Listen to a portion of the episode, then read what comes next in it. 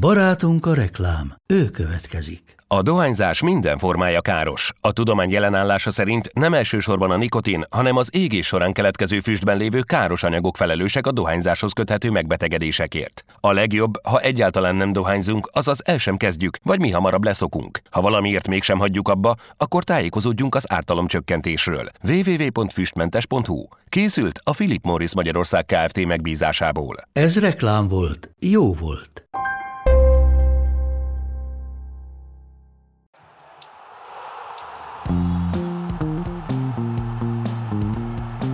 Ez a teljes terjedelem. Magyarország első futballpodcastja.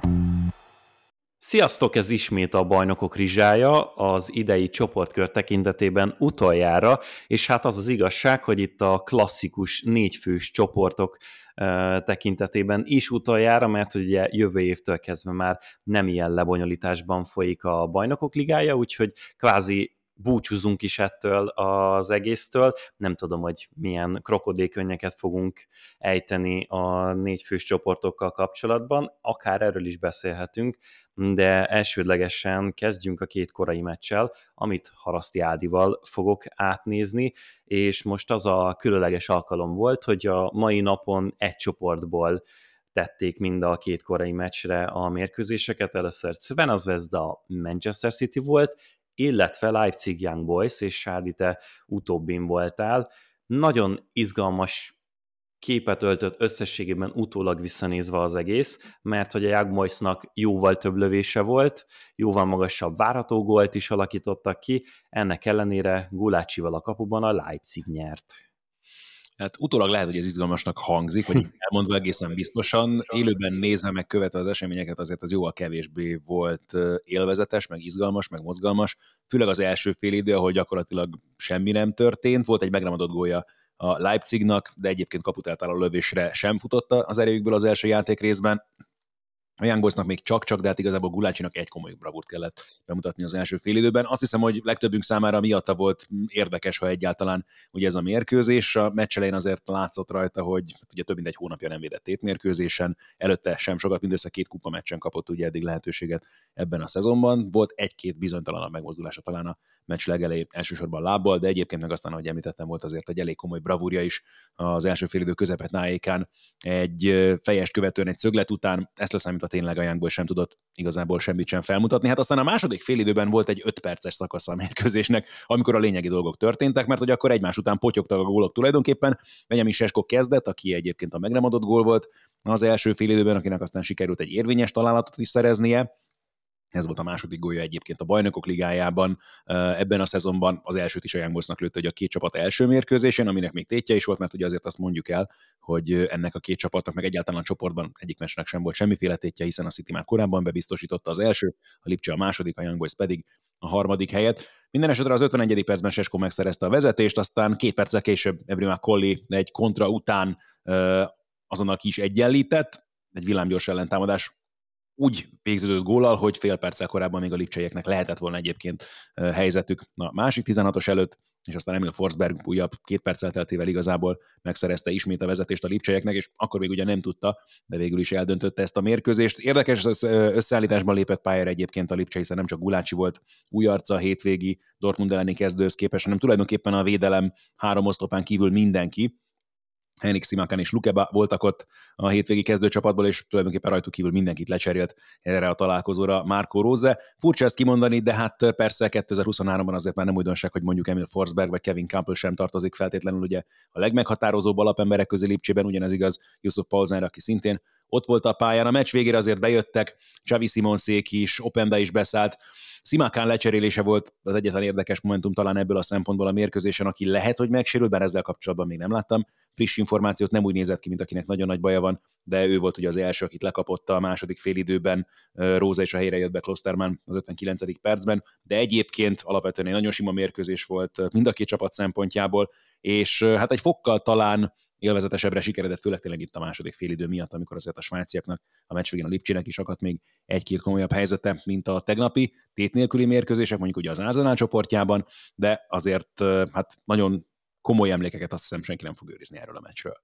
Élvezeti értékkel a Manchester City találkozója is bírt, leginkább azért, mert 5 gól volt végül, a 3-2-re nyert a City idegenben, illetve hogyha valaki esetleg arra szeretne mérkőzéseket használni, hogy kvázi scoutolgat magának fiatalokat, akkor nagyon élvezhette ezt a meccset, mert hogy a Cityben pályára lépett és gólt lőtt egyébként Oscar Bob, akit már láthattunk a Premier League-ben is, hirtelenjében ezen a meccsen tűnhetett föl itt a szélesebb nézőközönségnek Micah Hamilton, aki először lőtt egy nagyon szép kapu fa alá fölvágott gólt az első félidőben, aztán utána egy büntetőt is kiharcolt a meccsnek szinte már a legvégén, de hát itt végig a Citynek a B csapata meg a, a cserepadosok játszottak, Stones volt a csapatkapitány, amire én eddig nem láttam példát a City története során itt az elmúlt években, de hát Rico Lewis természetesen pályán volt, Akanji volt még az, aki a veteránok közül pályára tudott lépni, illetve Grealish, de Mateusz Nunes, Kovácsics, Kelvin Phillips, aki a büntetőt értékesítette, az volt egy rendkívül mókás pillanat, hirtelenjében beugrott Havertznek egy néhány héttel ezelőtti ilyen kedvességből odaadott büntetője a meccs végén úgyhogy leginkább arra szólt ez a meccs a vendégek számára, hogy Guardiola egy picit megjáratta a tartalékosokat is, illetve a fiataloknak európai szintéren tapasztalatot és élményt tudott adni. Ha valaki ilyen szemmel nézte, akkor biztosan nagyon élvezte ezt a meccset, de azért összességében nyilván nem volt túl ö, sok verseny értéke az egésznek, és ezzel fejezném be veled, mert aztán utána a későbbi mérkőzéseket majd mással fogjuk kibeszélni, hogy tényleg őszintén megvalva, itt azért az utolsó körben rengeteg olyan meccs volt, aminek igazából az égvilágos semmiféle tétje nem volt a megszerezhető pénzen kívül. Ezt vajon le tudja váltani majd ez a svájci rendszernek csúfolt lebonyolítása jövő évben, és fog-e bármilyen formában neked hiányozni az, hogy, hogy a következő szezontól nem a mostanit nézhetjük? Hát maximum abból a szempontból, tegnap ezt picit már érintettük ugye Tibivel, hogy ezt szoktuk meg, ebben nőttünk fel, nekünk ezt jelentette a bajnokok liga, úgyhogy én nagyon kíváncsi vagyok ebből a szempontból, hogy mennyire lesz majd más. De lehet, hogy gyorsan vissza is dobom egyébként neked ezt a kérdést, mert tegnap ugye már beharangoztuk Tibivel, hogy neked olyan szempontból van tapasztalatod már ugye ezzel az új rendszerrel a bajnokok ligájában, hogy ugye aktív futballmenedzser játékosként azért már kipróbálta több alkalommal, hogy ez miképpen néz ki. Idén a jégkorom bajnokok ligájában láttam, ott előrehozták egyébként ennek a rendszernek a bevezetését, pont azért, hogy legalább megelőzzék az UEFA-t ebből a szempontból. A, úgy azért lett érdekes, mert ott például rögtön a címvédő Tappara Tampere tovább sem jutott az alapszakaszt követően a kieséses szakaszba, úgyhogy ennyi izgalmat már mindenképpen tudott hozni. Nem hiszem, hogy a BL-ben azért ilyen dolgokat látnánk majd ennek a rendszernek köszönhetően a következő szezonban. Érdeklődve, kicsit aggódva várom, de valószínűleg tényleg csak azért, mert egy ismeretlen, ismeretlen dologról van szó. Nem akartam így saját magamnak feldobni a labdát, úgyhogy itt talán elegánsabb volt általad. Én szerintem ez egy jobb lebonyolítási rendszer. Nem sok mindenre szoktam azt mondani az elmúlt években, főleg ami UEFA, FIFA szintjén történik döntéshozatalban, hogy annak örülök.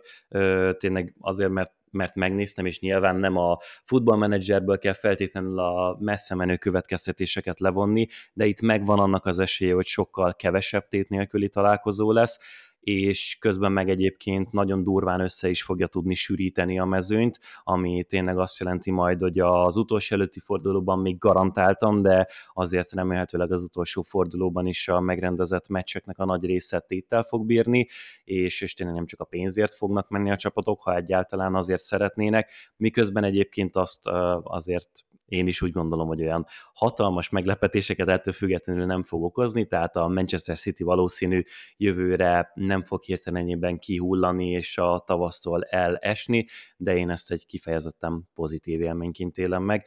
Köszi szépen, Ádi, ahogyan azt már mondtam, mással megyünk tovább. Fekete Márk az, aki csatlakozik hozzám, a Britannia, egykori Britannia blog szerzője, illetve az Új Kastély blognak a szerzője, és hát nem túl meglepő módon, ennek megfelelően éppen Newcastle mezben ülsz velem szemben, bár ezt ugye látni nem látják a hallgatóink. Egyrészt hello! Sziasztok, köszöntöm a hallgatókat is! Másrészt pedig szerintem akkor nagyon szépen menjünk is rá erre, mert hogy az egész napnak, meg egyébként tulajdonképpen itt a tegnapi és a maikkal együtt a, az egész utolsó körnek a legnagyobb kérdőjelei nyilvánvalóan természetesen a halálcsoportban voltak, és hát azzal szeretném elkezdeni az egészet, hogy Méhes Gabi közvetítette ezt a meccset, és a Newcastle Milán úgy ért véget, hogy a legvégén volt egy kis kakaskodás, és Zümi ezt úgy zárta le végeredményében, hogy sok hűhó semmiért és azt kell mondjam, hogy elnézve ezt a meccset, egy picit nagyon hasonló érzésem volt, mert hogy ezzel a győzelemmel a Milán így most majd az Európa Ligában folytathatja tavasszal, ez nem tudom, hogy mekkora öröm nekik valójában, a Newcastle pedig valami eszméletlen nagyot küzdött megint, de végül csoport utolsó helye lett az eredménye az egésznek. Így van, és tulajdonképpen elmondhatjuk azt, hogy, hogy a Newcastle megint kifutotta magát, megint kiütközött az, hogy nagyon kevesen vannak, térnek vissza a játékosok, de nem olyan ütemben, mint amilyen sűrű a versenynaptár, és a Newcastle-nek reálisan talán jobb is ez a negyedik hely, mintha az Európa Ligába kellene tavasszal még ugyanígy két hetente meccseket játszani. Itt annyi a a probléma, ami, amivel az egész mérkőzés kezdődött. Ugye a, a Newcastle-nek a mond B közepe a Gallowgate End, ahova kifeszítettek egy Sir Bobby Robson idézetet, ami arról szólt, hogy ez nem haladja meg a legvadabb álmainkat, mert mi, nekünk nagyon vad álmaink vannak, és ki is volt egy ilyen sziluett Bobby Robsonról még feszítve, és igazából én szerintem amióta megtörtént a tulajdonosváltás, és és azt látják, hogy, hogy egy tudatos, folyamatos építkezés zajlik. Azóta valahol a szurkolók szerintem nagyon örültek volna ennek az Európa Ligának is, de elnézve ezt a keretet, én szerintem reálisan most, most sokkal jobb lesz rápihenni a tavaszra, és még Európa Liga nélkül is én szerintem legalább három-négy embert hozni kell télen, mert, mert ez így nagyon kevés lesz. Én amikor elkezdődött a szezon, akkor az átigazolási időszakot elnézve ezt tartottam messze a legnagyobb negatívumának a Newcastle keretének, hogy, hogy nagyon sok poszton nagyon vékony, és ugye itt azért sérülések, meg Tonálinak az eltiltása, az még ezen abszolút nem segített az elmúlt hetekben, és ahogyan mondtad, az, amiért nem semmi panasz nem érett a ház elejét, ahogyan elkezdte a Newcastle, és még a második féldenek az elejéig is kitartott valamilyen szinten a lendület, tehát az első félidő az a abszolút megszokott módon az a brutális agresszió, intenzitás volt, ahogyan a Newcastle rászokta borítani a hazai pályán, legfőképpen a St. James's Park előtt az ellenfélre a pályát, és az megvolt. Ugye Joelintonnak egy gyönyörű góljával, amit Louis Smiley gólpasszából szerzett, még vezetek, vezettek is, vagy vezettetek is a, az első félidő végére, csak aztán utána tényleg ez van, hogy, hogy között, ami az elmúlt hetekben is, hogy fizikailag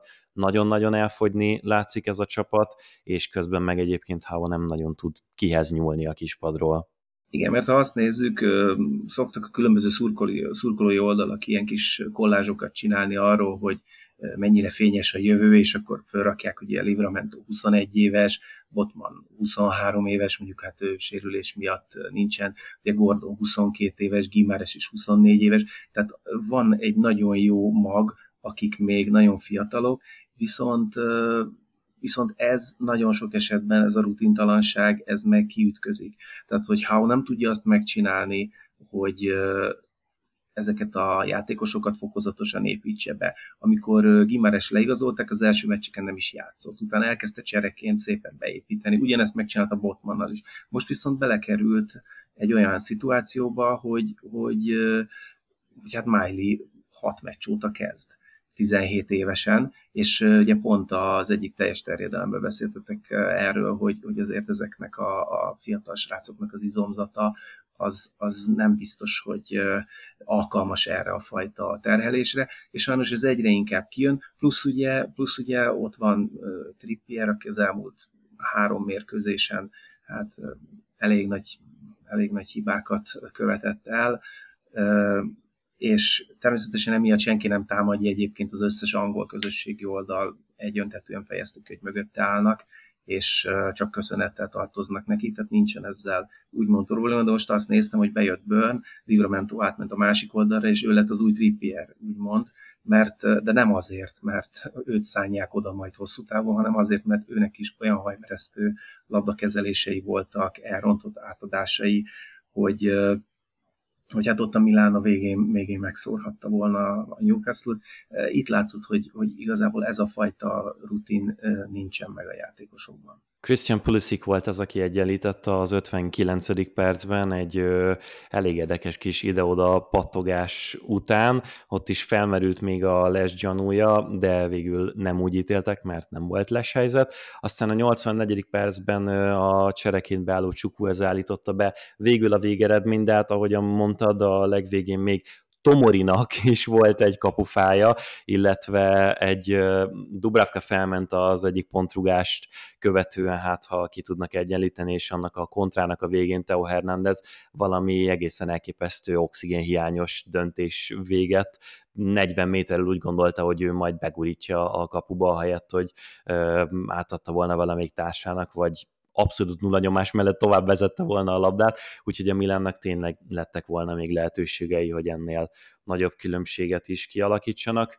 Ők kettő egyre nyertek, és ahogyan azt már a bevezetés közben mondtam, ez azt jelenti, hogy a Newcastle a csoport utolsója lett, és koncentrálhatnak a bajnokságra, meg a hazai kupasorozatokra. A bajnokságban azért az elmúlt hetek után van mit visszahozni.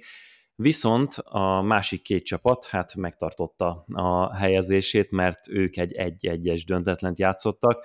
A Borussia Dortmund nyerte meg végül ezt a csoportot 11 ponttal, a Paris Saint-Germain végzett a második helyen 8 ponttal, nekik is volt egy ilyen lesgoljuk, eh, Kylian Mbappé volt az, aki a végén még majdnem megszerezte a vezetést a párizsiaknak, de végül megpihentek egy X közben nagyon sok olyan meccs volt ma, ahol borzasztó sok gól született, ez most egy pont nem ilyen volt, pedig egyébként a meccs egy elég nagy adókapokba ment át, tehát a, a defense-re nem kifejezetten figyelt egyik csapat sem, néhol nagyon-nagyon vékonyá tudtak válni a kontrákkal szemben gondoltad volna-e azt bármikor az első három körben mondjuk, hogy a Dortmund simán meg fogja nyerni ezt a csoportot? Erről beszéltünk már itt a bajnokok rizsájában, de ez még egy picit mindig elképesztő elnézve a, a bajnoki teljesítményüket, meg azt, hogy milyen teljesítmény nyújtanak a meccseken.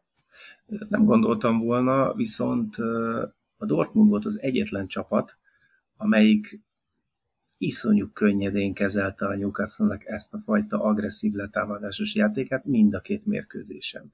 Hát nyilván azért ennyire agresszív a, a Dortmundban nem, nem volt, nem lehetett, de a St. James'ben ugyanezt játszották, és egyszerűen olyan higgadtan kétszer 90 percen keresztül abszolút semmiféle zavar nem látszott, teljesen profin lehozták, nem gondoltam volna, viszont egyébként azt abban biztos voltam, hogy a Dortmund nem cseresorral fog kiállni. Tehát amikor néztem az összeállításukat, teljesen egyértelmű volt, hogy ők, a Dortmundnak is egy olyan szurkolótábora van, ami előtt nem teheti ezt meg. Tehát ők, ők nem tehetik. Idegenben még talán, mint ahogy említettétek is, hogy a, a, a City egy eléggé felforgatott csapattal lépett pályára tele fiatallal. Ezt idegenben meg lehet tenni, a Dortmund hazai pályán ezt nem tehettem meg. Úgyhogy én ennek egyébként kimondottan örültem, mert, mert azért reméltem, hogy, hogy esetleg valami csoda folytán megszorongatják a Párizst, akár esetleg meg is verik a, a Paris Saint-Germain. A Dortmund számomra ezzel azért semmiféle esélyessé nem lépett elő, én nagyon-nagyon tudok neki gratulálni, hogy megnyerték ezt a csoportot, ez teljesen egyértelmű. Ettől függetlenül azt gondolom, hogy maximum még egy kört mennek, és utána kívüllanak. Tehát oda, oda már kevés lesz.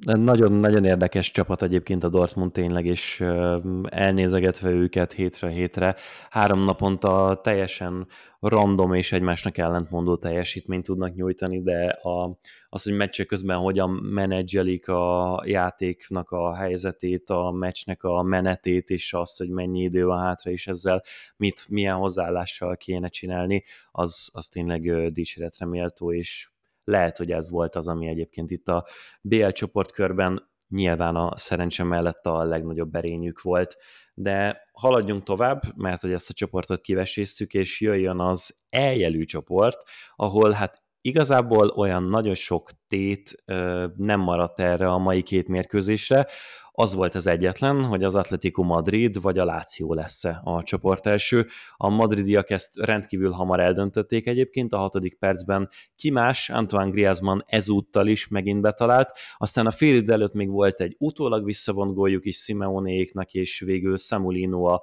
második gólját is megszerezte a csoportkörben. Ő egyébként kettő góllal és három gólpasszal zárt, ez elég brilliáns teljesítmény, de azt is mindenféleképpen ki kell emelni az Atletikónál, hogy Griezmann és Morata is 5-5 góllal fejezte be ezt a BL őszt, ami, hogyha ránézünk a La Liga góllövő listájára, akkor nem egy meglepő fordulat, de ettől függetlenül egy nagyon-nagyon dicsérendő teljesítmény, és a Celtic Feyenoordon, ahol viszont abszolút semmi tétje nem volt a meccsnek, mert tényleg biztos volt, hogy a Celtic csoport utolsó lesz, a Feyenoord pedig folytathatja majd az Európa Ligában. Kezdődött azzal a meccs, hogy a Hondurasi Luis Palma értékesített egy büntetőt, és utána ment egy kicsit vad véget ez a találkozó. Először végül kettő egy lett, a Celtic nyert, és végül Gustav Lagerbilke volt az, aki beállította a mérkőzésnek a végeredményét, de hogy Jakuba Minte volt az, aki a Feyenoord egyenlítő találatát megszerezte, és hát ő neki nem kis kötődése van a Newcastle-hez. Így van, őt nyáron igazolt a Newcastle, és kölcsönbe került a Feyenoordhoz. Neki követem a, a pályafutását. Ugye két, két ilyen fiatal van, akik most érkeztek nyáron Newcastle-be, és érdekes módon őket nem marasztalta Howe, tehát úgy volt vele, hogyha inkább valakihez nyúlni kell, akkor majd, majd felhozza a tartalék csapatból és az egyik Garankuol, aki egy ausztrál fiú, és a VB-n szerepelt is az ausztrál válogatottban, sőt a argentinok ellen még egy hatalmas helyzetet is kihagyott, a másik pedig Minte, akinek a kapcsán most még az is szóba került, hogy Callum Wilson és Alexander Isak sérülékenysége miatt esetleg januárból vissza is fogják rendelni Hollandiából, mert az egy sokkal egyszerűbb megoldás lenne, mint megint azzal sakkozni, hogy az FFP határokat ne lépjék át a januári átigazolásokkal. Meglátjuk, hogy majd érkezik-e ő a Premier League-be, azért elnézve ezt a gólt, meg amikor bebeszállt itt a BL csoportkörben is, ez egy nagyon izgalmas kis próbálkozás lenne, úgyhogy én kifejezetten örülnék neki. Úgyhogy végül itt az Atletico Madrid lett a csoport első, és akkor egyetlen egy csoportunk maradt, aztán be kell fejezzük ezt a bajnokok rizsáját is, meg így a, az őszre tekintettel a BL kiveszélőinket is. Na de hát milyen csoport volt ez itt a mai ö, estét tekintve? A Porto 5-3-at játszott a Shakhtar Donetskkel, a Royal Antwerp pedig 3-2-t a, a Barcelonával.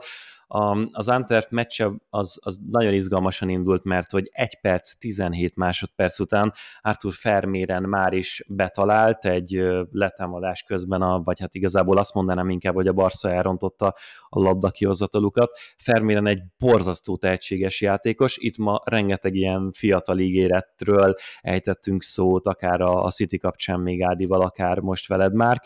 Fermérent is nagyon kell nézni, ez volt a harmadik olyan, vagy három gólban való közvetlen együttműködése volt itt a BL ősszel, ami a tinédzserek között abszolút kiemelkedő volt, és hát ez is árulkodik róla, de egyébként elképesztő dolgokra képes mezőnyben is. Ferran Torres egyenlített egy másik tinédzser, Laminia Yamal passzából, aztán utána volt még egy kis kavarodása a Barca részéről, mert hogy Sergi Robertónak volt egy talpalásos becsúszása, amire a játékvezető először felmutatta a piros lapot, aztán végül megnézte, visszavonta, és végül ezután néhány perccel később Vincent Janssen megszerezte a vezetést az Antwerpnek, de még volt benne két ö, kanyarulat itt a meccsben, és hát ez a mai este tényleg teljes mértékben ráment a fiatal pályára lépők és a fiatal górszerzőknek a napjára, mert hogy Mark Guy, akiről beszéltünk már egy másik teljes terjedelem epizódban is, amikor ő meccset nyert a bajnokságban, és a Barszának ő egyenlített, aztán végül ez Stress semmire nem volt elég, mert hogy George Ileni, Ilenikena, bocsánat, elég nehéz neve van a srácnak, ő egy francia 17 éves fiú, aki beszállt és végül megszerezte a győzelmet, úgyhogy ez azt jelenti, hogy az Antwerp ugyan utolsó helyzetként zárt a csoportban, de végül három pontot szerzett, és egy győzelmet be tudtak gyűjteni, de hát még azért itt hadd daráljam végig, mert hogy a, a Porto Shakhtar is valami elképesztő kavarodás volt egy-egy néhány epizódjánál a meccsnek. Galino duplázott az első játék részben, először a 9. percben, aztán a 43. percben, ezt egy szintén nagyon fiatal, másik szintén nagyon fiatal Danilo Szikán szépítette még a Donetszkiek részéről, aztán Teremi végül megszerezte a harmadik górját is a Portónak, Pepe is betalált, aztán a 82. percben már 5-2 volt, mert hogy Conceição is tudott, közben Eustáquio vétett egy öngolt, ami a második gólja volt a Shakhtar Donetsknek, és akkor utána a legvégére még csak, hogy tényleg megmaradjon ez a témája ennek a kibeszélőnek, Eginaldo, egy 19 éves brazil játékos volt az, aki kettő perccel, nem is egészen kettő perccel azután, hogy beállt a vendégeknél. No és hát ennek a két eredménynek végül az lett a végeredménye a csoportot tekintve, hogy a Porto nem tudta megelőzni a Barszát az egymás elleni eredményeik miatt, de szépen 12 ponttal befutottak a második helyre, a Shakhtar Donetsk pedig folytathatja tavasszal az Európa Ligában. Márk, én nagyon szépen köszönöm, hogy itt voltál velünk, még hogyha a terészedről annyira nem is boldogan végződött se ez az este, se ez az ősz, de az szinte biztos, hogy azért az elkövetkezendő években majd a Newcastle visszatérő szereplője lesz a bajnokok ligájának, mi pedig az biztos, hogy visszatérő szereplői maradunk ennek a sorozatnak, Hogyha tavasszal visszatér, akkor természetesen mi is így teszünk, de addig is most, aki még ma este hallgatta annak, jó éjszakát kívánunk, aki pedig holnap reggel annak szép napot. Köszönöm szépen a meghívást, sziasztok!